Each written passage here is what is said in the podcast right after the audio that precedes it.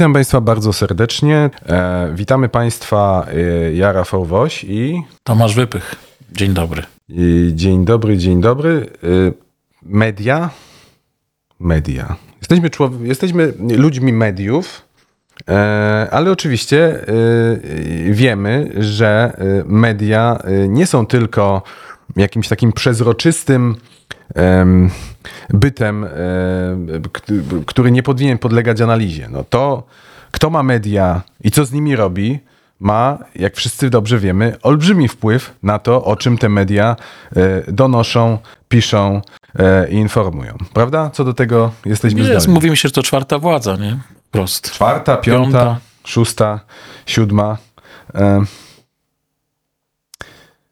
A jak struktura właścicielska mediów e, wpływa na ich, e, na ich przekaz? Bo przekonywano nas e, przez wiele lat, że kapitał nie ma narodowości. W związku z tym w Polsce jakoś tak trochę przez palce opinia publiczna patrzyła na to, że ten poziom własności, zależności od kapitału zagranicznego był e, najpierw duży, potem bardzo duży, e, aż do tego momentu, kiedy zaczęto się zastanawiać, czy to nie jest problem, czy to nie sprawia, że, że te media nie tylko w ten sposób są finansowane, ale też odpowiednio swój, swoją wizję świata, swój przekaz do tej struktury właścicielskiej dopasowują. Mówisz o tym delikatnie, ja powiem wprost. Wydaje mi się, że już poza nami jest wiek naiwności, niewinności i widać, że kapitał ma narodowość, ma państwowość swoją. Gdybyśmy poszli dalej, to ma też adres downtown i wiadomo, do kogo należy. Choćby najprostsze takie rzeczy z punktu widzenia osób, które żyją w mediach i żyją z mediów, są zatrudnione, to jest to, że ktoś naciska guzik, nie wiem, w funduszu inwestycyjnym w Bangkoku i zamyka gazetę w Warszawie, bo tak to wszystko wygląda. To jest jakby oczywiste widzieliśmy wiele takich przykładów, kiedy za ten się nagle zamykały, dobrze funkcjonowały w pewnym kraju, w jednym kraju, w drugim uznano, że nie. A o tym, że no bardzo trudno, tak to nazwę, zachować obiektywizm, jeżeli rzeczywiście jest taki stygmat pewnej własności mediów, no to też przekonaliśmy się kilkakrotnie i pewnie będziemy przekonywać. Tak to wygląda. Mnie się też wydaje, może trochę w przyszłość wybiegam, że to jest też e, taki powód rozwoju takiego dziennikarstwa, nazwijmy to obywatelskiego, że gdzieś po pierwsze ludzie mają narzędzia, no bo internet jest powszechny i dostępny, a po drugie też chcą się wypowiedzieć w taki sposób, jak oni uważają, nie w taki, jak dyktują to osoby, które te media posiadają, mówiąc wprost. No ale jest ten, jest ten temat takim trudnym tematem i też jak e, słucham teraz samego siebie i o tym mówię, to cały czas mm, mam w tyle głowy mm, tę taką obawę, że formując e, e, zdanie, prawdziwe zresztą zdanie, struktura właścicielska polskich mediów jest taka, że media zagraniczne e, mają bardzo dużą część rynku, że mówiąc takie zdanie, e, ja natychmiast jestem, ustawiam siebie na pozycjach e, trochę takich oszołomskich, trochę takich no, że nie powinno się tak mówić, mhm. prawda? Człowiek mediów nie powinien, nie powinien tak mówić, bo to jakoś tak brzydko pachnie. Nie wiem, masz też takie, masz też takie wrażenie? Mam takie wrażenie, mam czasami, jak rozmawiam ze znajomymi, nawet poczucie winy, że ja coś takiego mówię, natomiast no, prawda jest taka, że jest tak jak mówisz, no, coś do kogoś należy. Najzwyczajniej tak to wygląda. Media mają kapitał, ten kapitał napędza te media, tak to wygląda i to jest chyba też taki, taka rzecz do rozważania przez nas, czy my potrafimy już w pracy zachować niezależność, niezależnie od tego, kto te media posiada. Natomiast wydaje mi się, że nie mówienie o tym jest takim błędnym kołem poprawności politycznej. To prawda, bo też ludzie nie wiedzą o tym. To znaczy, my wiemy o tym. My, my, wiemy, my ludzie mediów yy, wiemy na przykład, yy, że telewizja TVN yy, nie należy do telewizji TVN, tylko ma pewnego bardzo konkretnego właściciela, w tym wypadku jest to właściciel amerykański. Tak? Wiemy o tym, że największy portal internetowy, czy jeden z wiodących portali internetowych w Polsce, portal Onet, należy do e, koncernu e, Ringier Axel Springer, który jest e, koncernem niemiecko-szwajcarsko z pewną dozą kapitału amerykańskiego i tak dalej, i tak dalej. ludzie tego nie wiedzą, no bo jak odpalają sobie portal, włączają ten kanał telewizyjny, no to tam nie jest nigdzie napisane. Mhm. Myślę, że nie wiedzą, ale też trochę nie chcą wiedzieć, dlatego że to jest bardzo wygodne ustawić się w roli recenzenta tego rynku, którego się zresztą dobrze nie zna, tylko konsumuje treści, bo tak to wygląda. Natomiast my, będąc w środku e, tej sytuacji, to trochę jesteśmy jak taki ornitolog jednocześnie, bo mamy świadomość, e, no, nazwijmy to po ludzku, do, do, do kogo te media należą. Mamy też świadomość, no bo to jest też taka misja dziennikarska, że trzeba być obiektywnym, skutecznym w tym, co się robi. Natomiast wydaje mi się, że coraz mniej będzie możliwości, żeby od tego uciec, choćby z takiego bardzo prostego powodu, że e, widzimy takie ruchy na rynku reklamowym, którego nie jesteśmy absolutnie zależni, a na które nie mamy wpływ, tak? To, co się dzieje teraz choćby z mediami papierowymi, no to, to, to wygląda nie inaczej. Ludzie przeszli do internetu. W związku z tym firmy przestały się reklamować e, w papierowych mediach. W związku z tym właściciele już nie promują tych tytułów, wręcz je zamykają. To samo się dzieje w internecie. Tak jak powiedziałam, według mnie nie wiem, jak ty uważasz, ale to dziennikarstwo takie oddolne, społeczne, jakbyśmy je nazywali, to coraz bardziej jest przyszłość e, tego, co będzie. No, trudno to z naszego punktu widzenia czasami nazwać dziennikarstwem, tak, bo to jest wzięcie smartfona, nagranie filmu bez jakiegoś refleksji, publikacja. Natomiast te media rzeczywiście no, bardzo, bardzo się zmieniają, co nie zmienia faktu, że moim zdaniem istotne jest, do kogo należą. No, media, y, jeśli jest tak, y, że jedynym, jedyną przeciwwagą dla y, mediów należących do dużych, zagranicznych, zachodnich koncernów medialnych miałoby być to mm, dziennikarstwo obywatelskie, no to trochę słabo. słabo, no bo to z jednej strony mamy dużych graczy E, komercyjnych, o dużym doświadczeniu, potencjale i tak dalej. Z drugiej strony mamy w zasadzie e, mhm.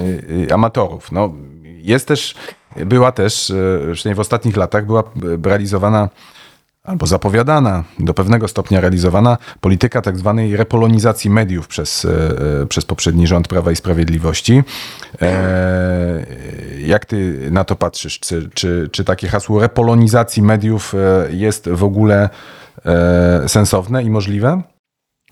Wiesz co, mnie się wydaje, że no, słowo jest też takie czasami, nie ma złej konotacji, ale ono jest w ogóle konieczne, nie tylko sensowne i możliwe. I być może tu powinny być potrzebne takie działania, no, podobne do tego, jak czasami urząd antymonopolowy wchodzi, tak? Że widzimy koncentrację mediów w jednym ręku i trzeba po prostu to, to, to rozbić ze zwykłego obiektywizmu, tak? Bo powiedziała, że Ringer Access Springer przecież niedawno jeszcze koncert spasał, miał bardzo dużo w Polsce e, mediów. Bauer ma cały czas, tak? No tak się składa, że blisko to jest do zachodniej granicy i Niemcy widzą potencjał naszego rynku. Natomiast ja uważam, że powinna nastąpić repoloniza e, repolonizacja mediów. Pewnie wpadnę w banał, ale marzy mi się coś takiego jak stare BBC, bo to nowe też do końca nie jest idealne, ale być może państwo byłoby w stanie udźwignąć obiektywizm prowadzenia takiego, nie wiem, ogólnonarodowego medium, to nie tylko musi być telewizja czy radio, to mogła być jakaś sensowna prasa drukowana, tak, czy portal po prostu. Natomiast też no, mamy złe doświadczenia, tak? Jak, jak, jak jest zmiana rządu, to jest zmiana wszystkiego. Zawsze mówię, że od dyrektora przedszkola przez osobę prowadzącą wiadomości, to też jest jakieś takie trudne, ale widzę konieczność rozbicia tego właścicielskiego jakby monopolu. Tak to nazywam po prostu. A mamy, mamy za sobą mm, to doświadczenie ostatnich lat i taką próbę uczynienia przez e, rząd Prawa i Sprawiedliwości e, stworzenia takiej przeciwwagi dla e, tych sił medialnych, które, które były z perspektywy PiSu nieobiektywne czy antypolskie. No, próbą stworzenia tej przeciwwagi była, było w, podkręcenie publicystycznej wyrazistości e, tak. mediów publicznych, głównie telewizji mhm. polskiej, nie całej, ale, ale, głównie tych sztandarowych programów e, informacyjnych. No to oczywiście e, nie wiem, czy połowa Polaków, czy, większy, czy większa część polskiego społeczeństwa, tu już e, jest podzielona, ale połowa, e, przy, przynajmniej połowa społeczeństwa uważa, że ten, ten, ten eksperyment się nie powiódł, e, że to było wylanie dziecka z kąpielą, że tak być w przyszłości nie powinno. Ja się tak zastanawiam, czy my jesteśmy w stanie jakieś lekcje z tych ostatnich ośmiu lat wyciągnąć, żeby z jednej strony nie wracać do tego, co było, przed 2015 rokiem, ale z drugiej strony, żeby jednak e, jakieś, e, jakieś lekcje e, z, z tego doświadczenia wyciągnąć. Jakie ty byś lekcje wyciągnął z, z tych ostatnich ośmiu lat? Wiesz co, wyciągnąłbym takie lekcje, że ta telewizja, o której mówię, miałem nazwę publiczna, przez innych zwana państwowa, no gdzieś tam w formie, tak jak powiedziałeś, była za bardzo wyrazista. Natomiast w Polsce jest potrzebna e, media, które będą przedstawiały różne strony tego politycznego sporu, bo to nie ma, nie ma nic złego, że jest spór polityczny ze sporu, zawsze coś pożytecznego jest. Czasami się uśmiecham, bo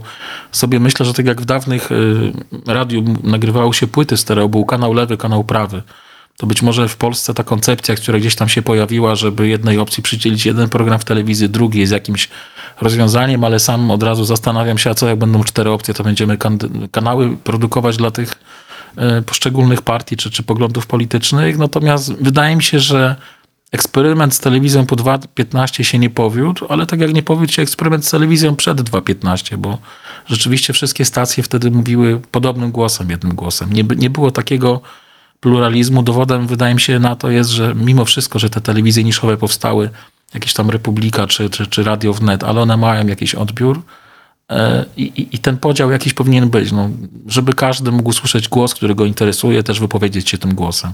Cały czas uważam, że rolą państwa jest tutaj stworzenie jakiegoś obiektywnego medium. No mamy ten, mówię, przykład BBC, paru innych stacji informacyjnych. Być może tak to powinno wyglądać, tak. Ja, ja jestem zwolennikiem też od razu, powiem przy okazji, abonamentu, żeby można było tego, tego telewizyjnego to finansować. No, wydaje mi się, że prywatne media nie są w stanie tego pluralizmu zagwarantować. No technicznie niemożliwe, finansowo i tak dalej. Jakiś czas temu y, był tutaj w salonie 24 y, naszym gościem publicysta y, Jacek Żakowski. Rozmowa jest jeszcze do mm, cały czas do obejrzenia w naszym e, kanale w YouTubie. E, rozmawialiśmy o tej propozycji Żakowskiego, e, właśnie takim apelu do komentatorskiej, publicystycznej otuliny e, tych e, sił politycznych, które wygrały wybory w 15 października. E, otóż Żakowski apelował do nich e, o podzielenie się e, władzą w mediach z przegranymi. E, no, trzeba było, ci, którzy widzieli to wystąpienie Żakowskiego na, na, na jednej z konferencji, gdzie pierwszy raz zgłosił ten, e, ten, ten postulat, było bardzo ciekawe, bo e, on po prostu wziął mikrofon i, i powiedział o tym zgromadzonych tam, zgromadzonym tam, zgromadzonej tam publice. Publika ta była, by tak rzec eufemistycznie, niezbyt pisolubna i e, bynajmniej im dłużej Żakowski mówił, tym, tym, tym więcej takich słychać było takiego posykiwania i pochukiwania. I, i, i nie było wcale entuzjazmu. E, tak? Entuzjazmu, wręcz przeciwnie. Okay. E, by, były krzyki, że nie, nigdy w życiu i, i, co, i co on tutaj, ten e, Żakowski, e, gadaj, żeby zaraz w, zasadzie skończył, bo jak jeszcze pójdzie o krok dalej, to zaraz jego też e, zebrani tam antypisowcy nazwą pisiorem i stamtąd przepędzą. Reakcja, taka właśnie reakcja mm, tego tak zwanego obozu demokratycznego na propozycję podzielenia się z inaczej myślącymi odpowiedzialnością za media, no nie wróży dobrze temu scenariuszowi, w którym E, miałoby coś takiego nastąpić. I oczywiście e, mamy milion powodów, dla których można powiedzieć, PiS sobie na to zasłużył. Poziom propagandy, który szerzyli w telewizji polskiej, był e, przekraczał wszelkie granice i teraz e, nic im się nie należy. Mieli swoje 8 lat, nie wykorzystali tej szansy. Tak, taki sposób rozumowania jest, funkcjonuje i będzie, e, będzie obecny.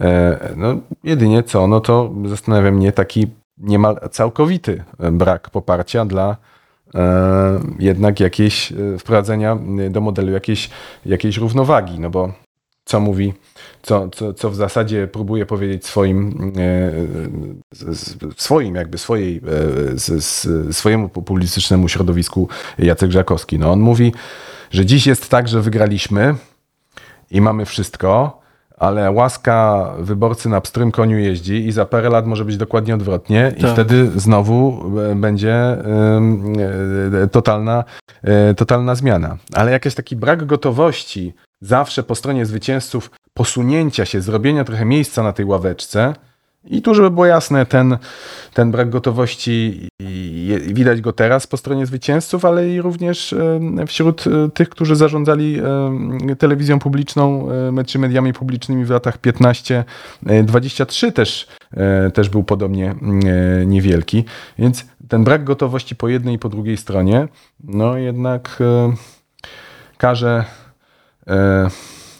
mieć dość dużą powściągliwość, jeśli chodzi o, e, o to, taki scenariusz, który nakreśliłeś, może być, e, może być prawdopodobny. No chyba, że nie, chyba, że właśnie coś się takiego wydarzy, co nas zaskoczy. Tylko nie bardzo nawet jestem sobie w stanie to wyobrazić. Wiesz, wydaje mi się, że trzeba by taki okrągły stół zrobić, bo obie strony, nawet nie wiem, po której my jesteśmy stronie, mówią o takich ekstremizmach, tak? Bo i z prawej i z lewej strony tego rynku medialnego można znaleźć no, treści i, i, i programy, i, i sytuacje, które się nie powinny zdarzyć. Natomiast gdzieś tu środkiem powinniśmy się dogadać. Mam takie wrażenie, że brakuje takiego porozumienia ponad podziałami, przede wszystkim do tego, żeby w ogóle zacząć rozmawiać, bo jest tak jak mówisz, że rozsądne głosy z obu stron nie są słuchane przez drugą stronę, tak, jest taka ładnie to wszystko nazywasz, podzielmy się rolami, ja będę mówił bardziej wprost, chęć odwetu na tym, co się wydarzyło. Wyleje się prawdopodobnie dziecko z kąpielą. E, co byśmy nie mówili, no telewizja publiczna no, produkuje programy, których telewizja komercyjna nie zrobi, już żeby najprostszy przykład powiedzieć, programy naukowe, czy choćby słynny te telewizji, która jest chlubą naszą. Natomiast wyjściem z tej sytuacji wydaje mi się e, jest po prostu takie, taki okrągły stół najzwyczajniej w świecie. No. Też Państwo nie muszą się tym interesować, ale choćby to, że są dwa stowarzyszenia dziennikarskie, to już jest jakieś takie absolutne szaleństwo, no bo, bo tak to wygląda. Myślę o czymś jeszcze, że e, życie nie znosi próżni. I może być trochę tak, jak w takim dowcipie pewnie wszyscy znają o partyzantach i, i Niemcach w lesie, że bardzo strzelali i ludzie się skarżyli, że jest głośno, przyszedł gajowy i obu wyrzucił. I cały czas wracam do tego, że może być to e, trochę taki samobój, który wszyscy sobie strzelamy z prawej i z lewej strony. Wejdzie to dziennikarstwo społeczne. Ja nie jestem przeciwnikiem, ale jednak umówmy się to, to i, i warsztatowo, i też czasami w kwestii e, prezentowanych poglądów, no jest to takie puszczone na żywioł. I z tego się zrobi coś takiego, co w tej chwili obserwujemy na razie tylko w komentarzach e, w internecie. Jak bardzo dużo nienawiści, ale też, co już też jest e, dostępne niestety w mediach społecznościowych, mnóstwo fake newsów, tak, z którymi nie będziemy w stanie absolutnie zawalczyć. No, naszą rolą jest nie tylko informowanie, ale też takie troszkę moderowanie rzeczywistości, no, żeby się nie okazało, że nabieramy się na jakieś informacje, które są tak skonstruowane inteligentnie, że ich nie odróżniamy bo ludzie całkowicie stracą w ogóle zaufanie do mediów, a mówi się, że informacja to jest tak naprawdę no, waluta współczesności, bo tak to wygląda. Już pomijam takie rzeczy, że wielokrotnie dzięki mediom udało się, nie wiem, coś dobrego zrobić, zmieniać czasami ustroje i, i kraje, więc jakby w podsumowaniu ode mnie na pewno jest ważne, do kogo media należą. Na pewno mam takie wrażenie, że zabrnęliśmy w ślepą uliczkę. Gdzieś praca jest do wykonania po naszej stronie, bo po prostu przyjdzie ten gajowy i nam te media zabierze, a one niekoniecznie będą dobre albo lepsze od tych, które robimy. No, powiedziałeś, e, powiedziałeś o takiej nowej okoliczności, z, którym, z którą musimy sobie radzić, czyli e, o fakcie, że mm, od e, roku 2022 rzeczywiście jesteśmy e, tak de facto krajem frontowym NATO. E, I jak wszyscy wiedzą, wojna zawsze mm, oprócz tego swojego wymiaru militarnego, strategicznego, ma też wymiar propagandowy. No to, jest, to, jest, to, jest, to jest banał, ale, ale jak świat E, światem, to zawsze było e, i, i będzie tak, że e, w, wojna odbywa się poprzez urabianie opinii publicznej po, po, po, jednej i po drugiej stronie. No i trzeba też być tego świadomym. Trzeba o tym pamiętać, że różnego rodzaju wrzutki do naszej debaty publicznej, różnego rodzaju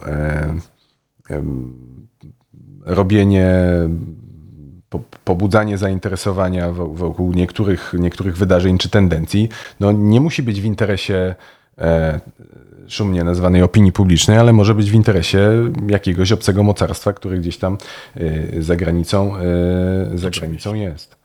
I to jest, to jest wymiar, przed którym, przed którym nie uciekniemy. Więc my mamy taką sytuację, że z jednej strony jesteśmy, mamy cały zestaw mm, wyzwań, związanych z tym, by nie wpaść w taką klasyczną pułapkę postkolonialną, gdzie lokalne media są bardzo mocno e, zarządzane i trzymane przez tych, którzy chcą, żeby ten rozwój takiego postkolonialnego kraju odbywał się według takiej, a nie innej e, ścieżki. Tak moderują e, ten, ten rozwój. I to jest nasz problem z naszymi przyjaciółmi na Zachodzie.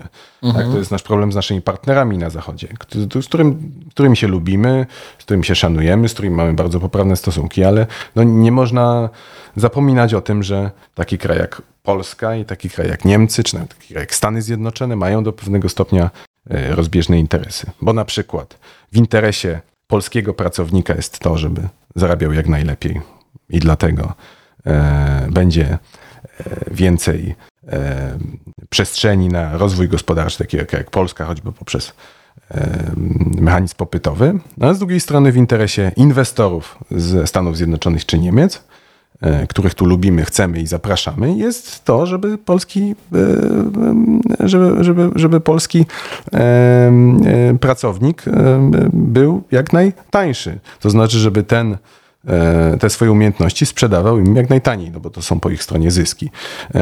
I teraz nasza ścieżka rozwojowa przyjęta przez naszych polityków, która na przykład podnosi płace, niekoniecznie musi się podobać E, tamtym inwestorom i jeśli oni mają wpływ na nasz e, krajobraz medialny, no to oni mogą tak e, starać się wpływać na naszą debatę, żeby przedstawiać wzrost płac w polskiej gospodarce jako coś złego, niebezpiecznego, niedobrego i takiego, które, którą trzeba jak najszybciej zatrzymać. Oczywiście oni wprost nie powiedzą, że robią to dlatego, żeby, żeby ich kapitał był zadowolony, ale mogą mówić, że to się źle skończy, to przyniesie scenariusz jakiś tam niebezpieczny, tu się zazwyczaj wymienia te scenariusze, albo będzie dziura budżetowa i tak dalej, i tak dalej. Znamy wszyscy tę frazeologię. No i to jest ten jeden typ e, wyzwań, ale z drugiej strony mamy też drugi typ wyzwań, który sprawia, że teraz różnego typu, nie wiem, ekscesy jakichś radykalnych sił politycznych, jak choćby, nie wiem, posła Brauna ostatnio w Sejmie, e, że teraz będą przez naszego drugiego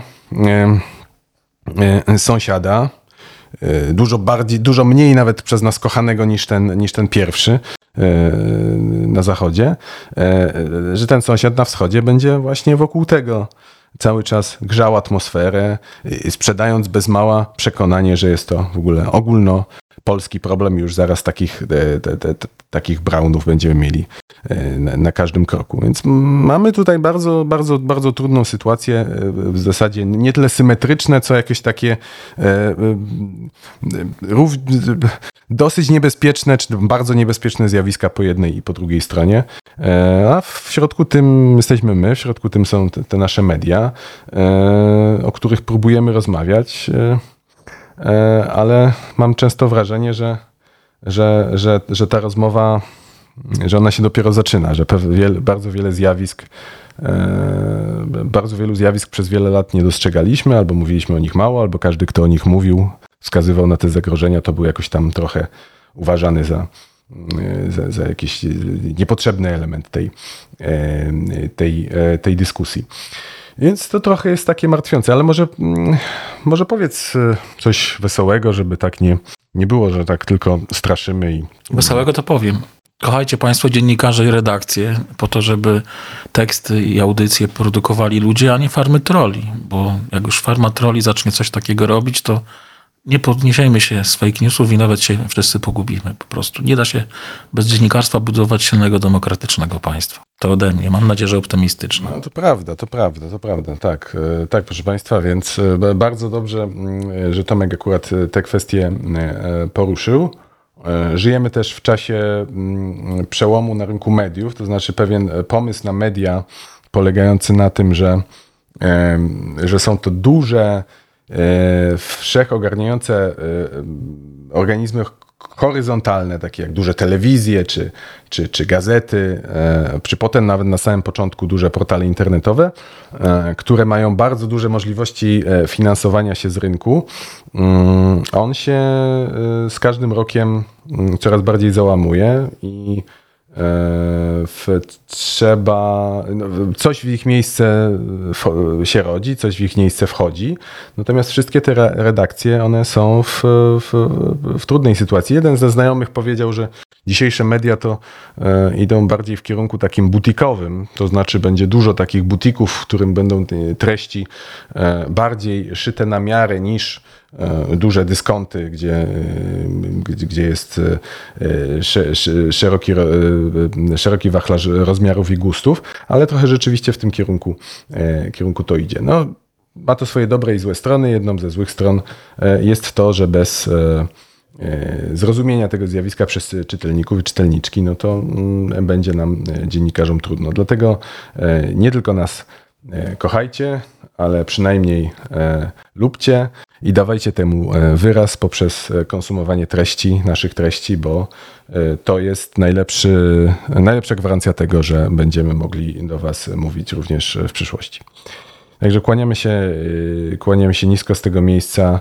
Y, Rafał Woś i Tomasz Wypych, dziękujemy było nam bardzo miło e, w ten sposób e, z Państwem e, się e, budować relacje. Mam nadzieję, że do usłyszenia.